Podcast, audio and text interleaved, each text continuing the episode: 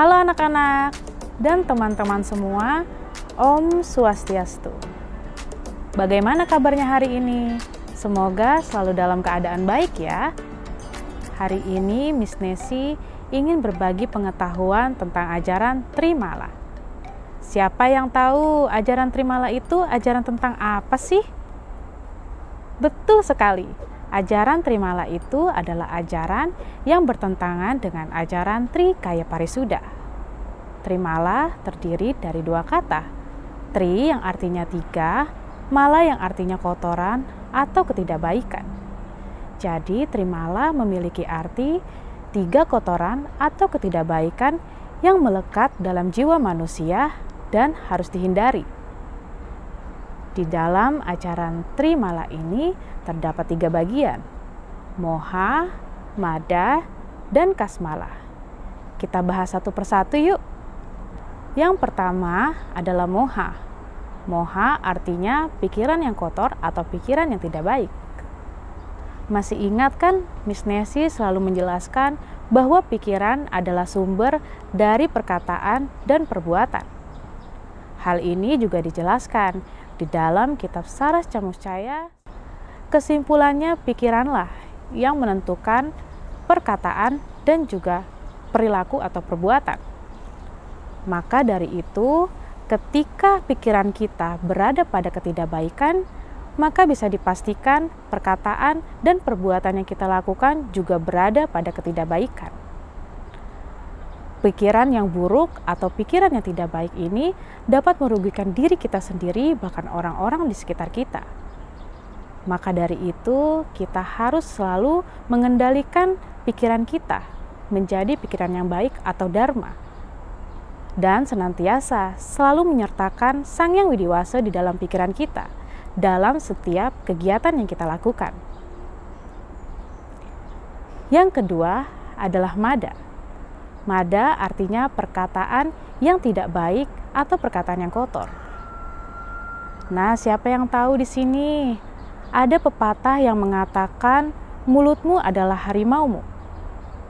Pepatah ini menjelaskan kepada kita bahwa perkataan yang kita lontarkan memiliki kekuatan yang besar, baik untuk diri kita sendiri maupun untuk orang-orang di sekitar kita.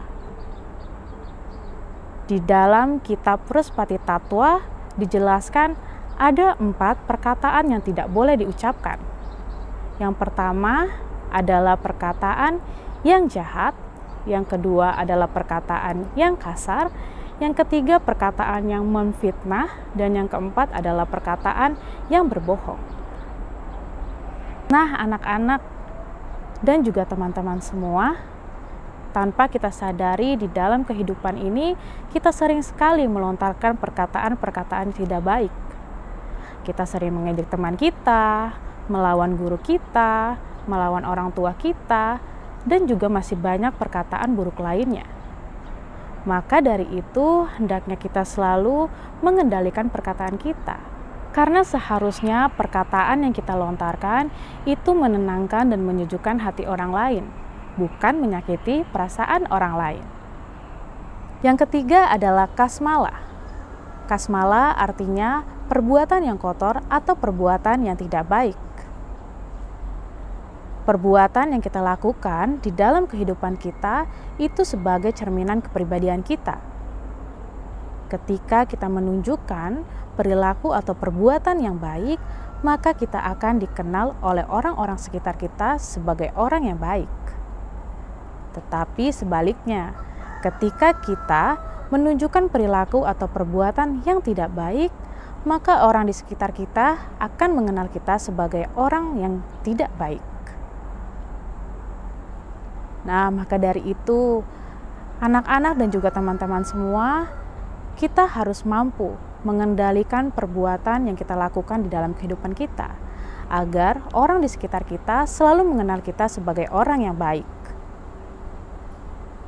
Dari materi Trimala ini, kita diajarkan untuk selalu mampu mengendalikan pikiran kita, perkataan kita, dan perbuatan kita karena ketika kita sudah mampu mengendalikan ketiganya, maka orang-orang di sekitar kita akan mengenal kita sebagai pribadi yang baik.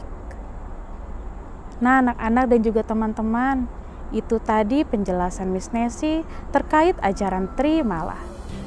Semoga materi kali ini bermanfaat bagi kita semua.